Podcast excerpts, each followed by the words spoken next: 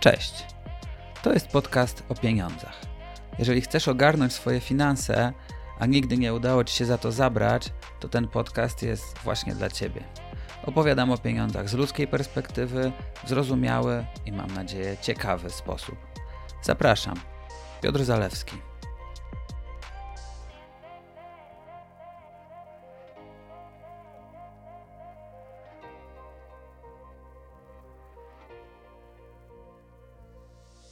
Czy zarobki rzędu kilkudziesięciu tysięcy złotych miesięcznie automatycznie czynią kogoś bogatym?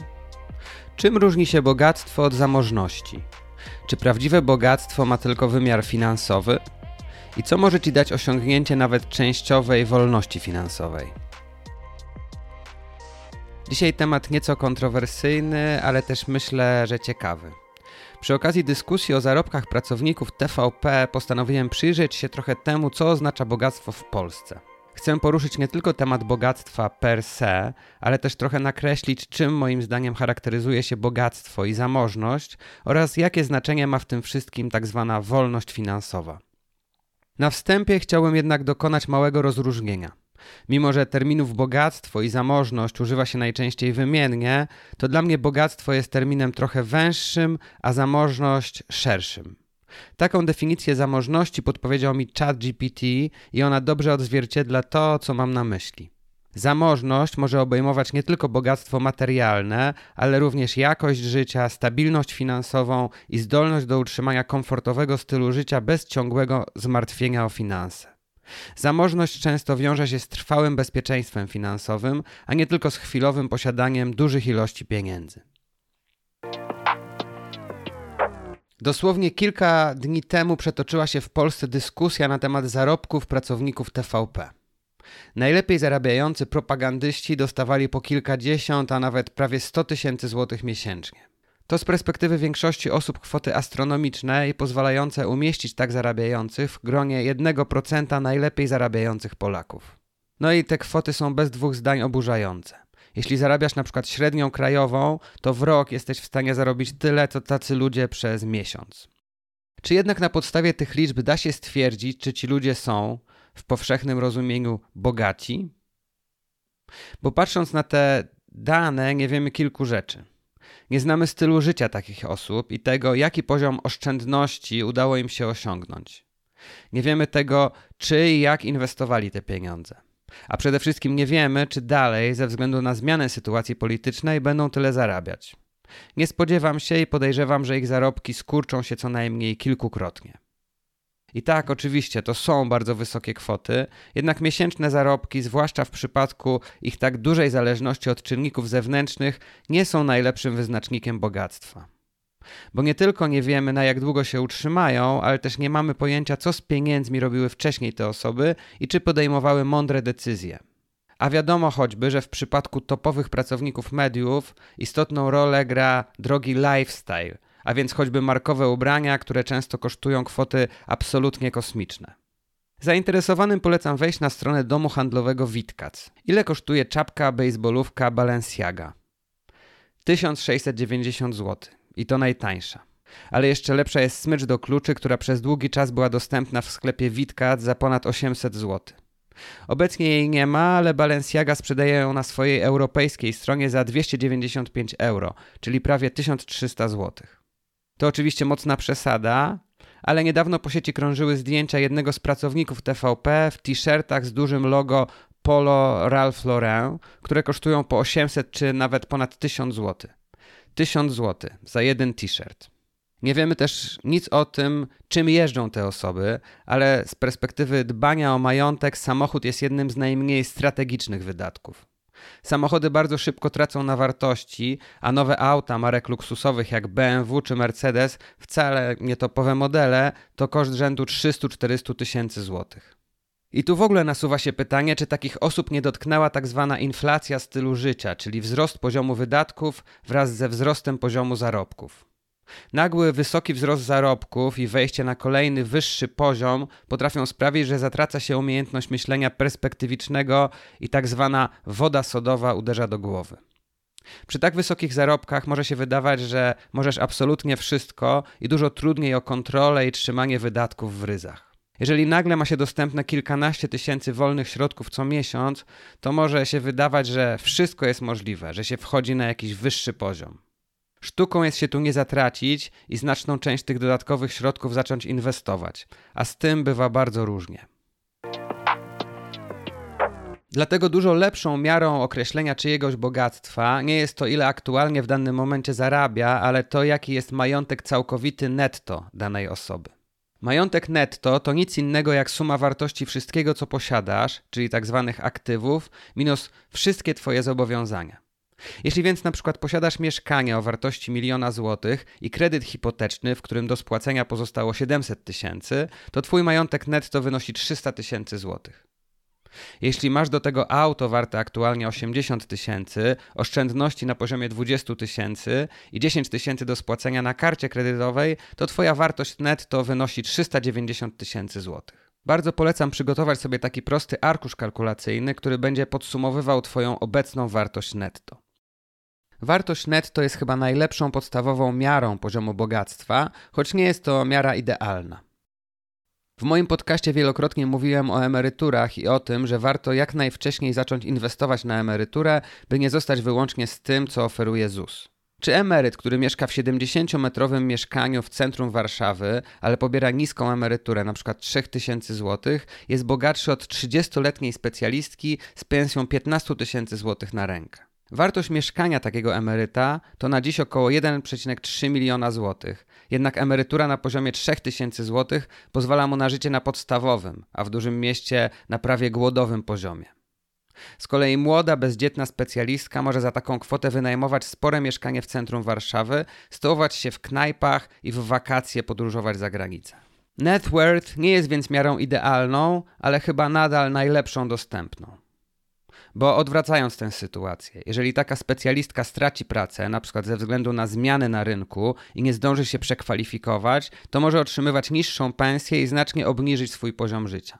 Z kolei emeryt mógłby teoretycznie sprzedać mieszkanie i zamieszkać w lokum o połowę mniejszym, w trochę gorszej dzielnicy i znacznie zwiększyć swój poziom życia, bo nagle będzie miał do dyspozycji kilkaset tysięcy złotych. Emeryt może się też zdecydować na tak zwaną odwróconą hipotekę, a więc na otrzymywanie regularnych rat pieniężnych za obietnicę sprzedaży nieruchomości po swojej śmierci. Oczywiście młoda osoba ma z kolei jeszcze dużo możliwości na zmiany, na przedsiębiorczość i zwielokrotnienie swoich zarobków, czego nie można powiedzieć o 70-latku. Wartość netto nie uwzględnia więc bieżących przepływów pieniężnych, a więc zarobków i zobowiązań. Nie jest to zatem pełny obraz możliwości finansowych. Pełną miarą bogactwa jest więc zarówno wartość netto, jak i przepływy pieniężne oraz ich perspektywa, czyli to, czy jest szansa na utrzymanie takich samych bądź wyższych zarobków w dłuższym okresie ze względu na edukację, wiedzę, umiejętności, doświadczenie. Wartość netto bardzo dobrze wpisuje się też w dyskusję dotyczącą dziedziczenia majątku i łatwiejszego bądź trudniejszego startu w życiu. Bo w przypadku startu życia zawodowego i zakończenia studiów ogromną różnicę robi to, czy ktoś posiada mieszkanie, czy nie. Jeżeli masz 25 lat i startujesz z kawalerką, którą otrzymałeś od rodziców, to automatycznie Twoja wartość netto zwiększa się o kilkaset tysięcy złotych. Wtedy znaczną część pensji możesz po prostu inwestować, a nie odkładać na mieszkanie czy wkład własny. Nawet jeżeli w przyszłości będziesz potrzebowała kupić większe mieszkanie, to posiadana przez ciebie nieruchomość będzie bazą finansową tej operacji. Co myślę o kredycie 0% i jego już potwierdzonej przez rząd kontynuacji, to wiecie, bo opowiadałem o tym w poprzednim odcinku. A jeśli nie wiecie, to w największym skrócie. To fatalny program, który sprawia, że ceny mieszkań na rynku niebotycznie rosną. Przeglądam opinie ekspertów oraz komentatorów zarówno z prawej, jak i lewej strony sceny politycznej i właściwie nie ma zwolenników tego programu. A rząd brnie w niego dalej. To, czy ktoś wchodzi w dorosłość posiadając czy nie posiadając lokum, zawsze było czynnikiem wyróżniającym, ale przy obecnych cenach mieszkań posiadanie nieruchomości może mieć jeszcze większe znaczenie w przypadku tego, czy komuś uda się czy nie uda zbudować majątku. No dobrze, to jaką wartość netto trzeba posiadać, żeby w Polsce uchodzić za bogatego? Jest taki raport Credit Suisse Global Wealth Report dotyczący poziomu bogactwa na świecie. Raport wychodzi co roku, ale ostatnia edycja, która w pełni uwzględniała Polskę, ukazała się w 2019. I wtedy autorzy raportu szacowali, że dolarowych milionerów, czyli osób, których net worth wynosi co najmniej 1 milion dolarów, było w Polsce 116 tysięcy. Natomiast projekcje z tamtego raportu na przyszłość dotyczą właśnie roku 2024. I teoretycznie w tym roku osób, które w Polsce są warte ponad 1 milion dolarów jest 202 tysiące. W każdym razie, zdaniem autorów raportu sprzed 4 lat, to właśnie 1 milion dolarów stanowi o tym, czy ktoś dołącza do grona bogatych osób. Nie wiem niestety na ile autorzy tego raportu uwzględnili inflację, prognozując dane na 2024 rok.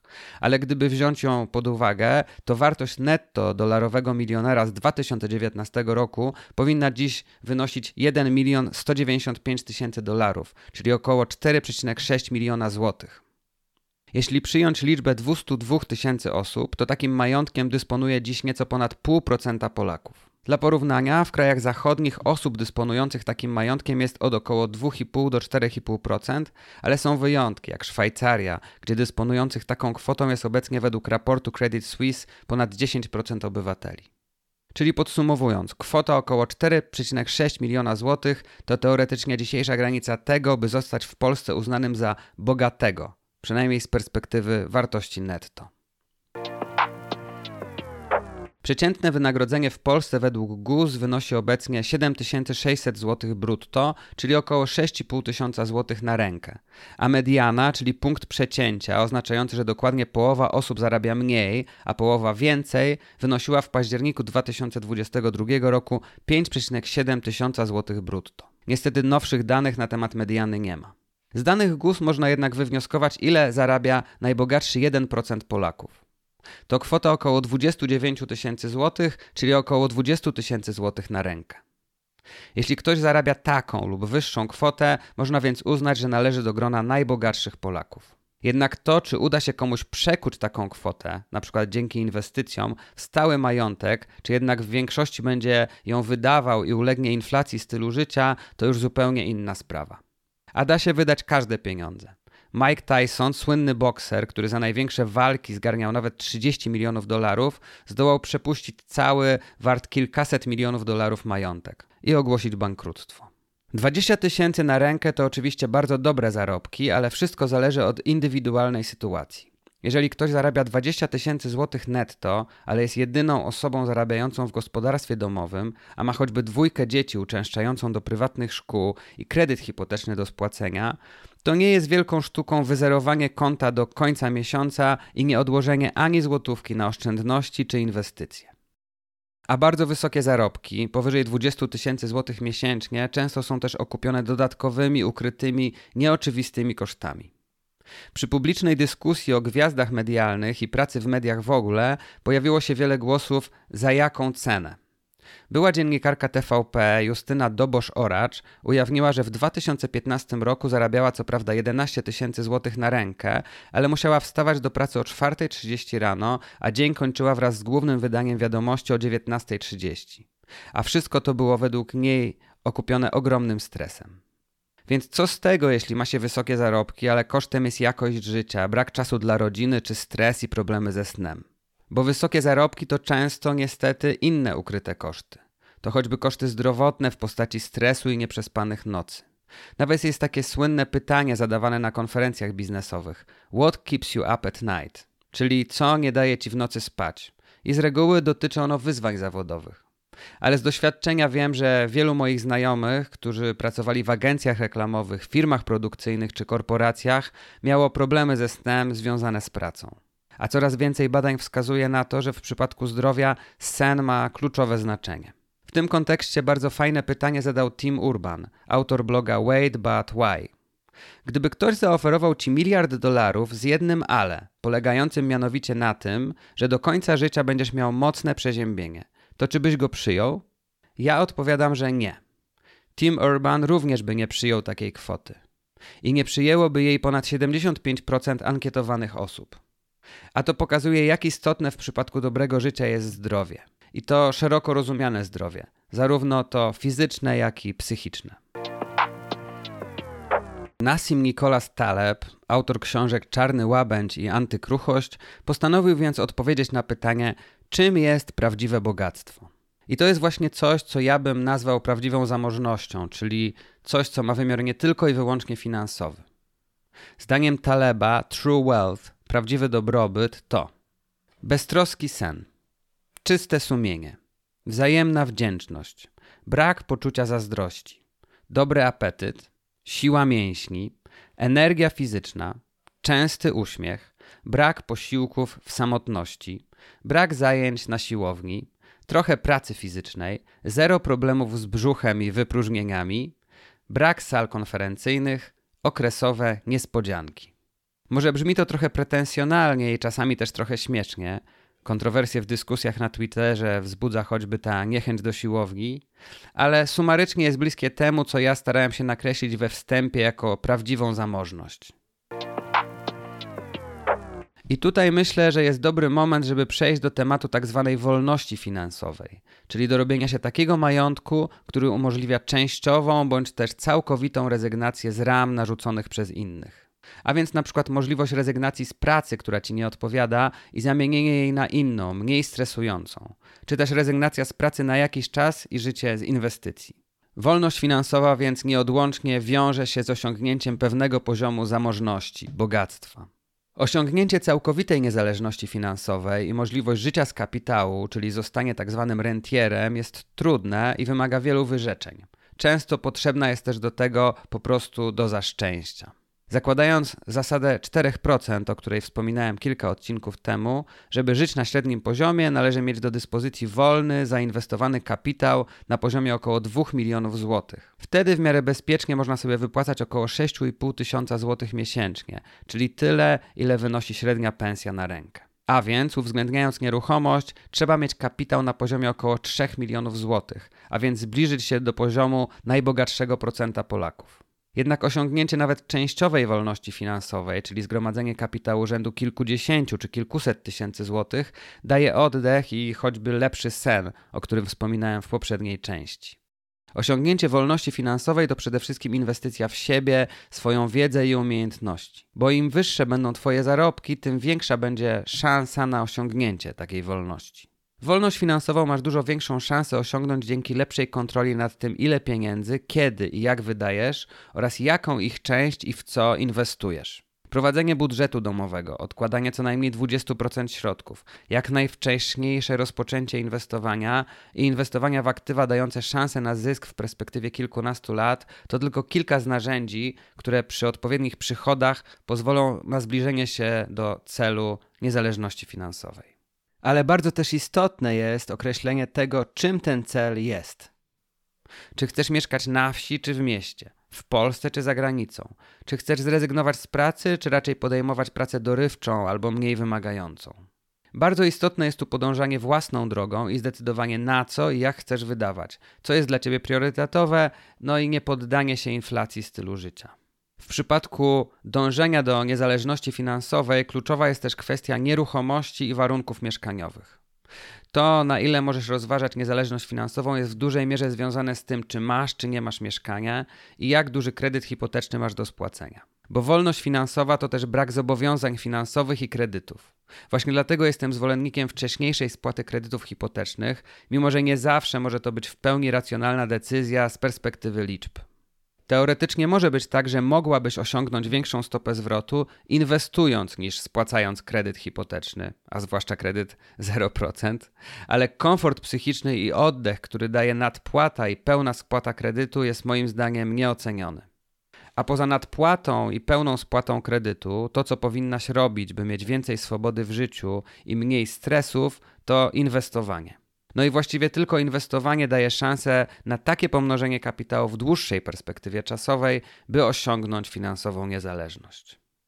Do tej pory w podcaście opowiadałem głównie o inwestowaniu w kontekście emerytury, wyjaśniając, że to jedyna droga do tego, by mieć w miarę dostatnie życie po osiągnięciu wieku emerytalnego. Jednak Twój cel inwestycyjny może być inny, na przykład taki, by osiągnąć pełną finansową wolność wcześniej, na przykład w 50 czy nawet 40 roku życia. I przy odpowiednim poziomie zarobków, kontroli finansowej i inwestycjom jest to jak najbardziej możliwe. To zarazem jedno z oblicz filozofii FIRE, czyli Fixed Income Retire Early. No i temat na zupełnie inny odcinek. Do usłyszenia.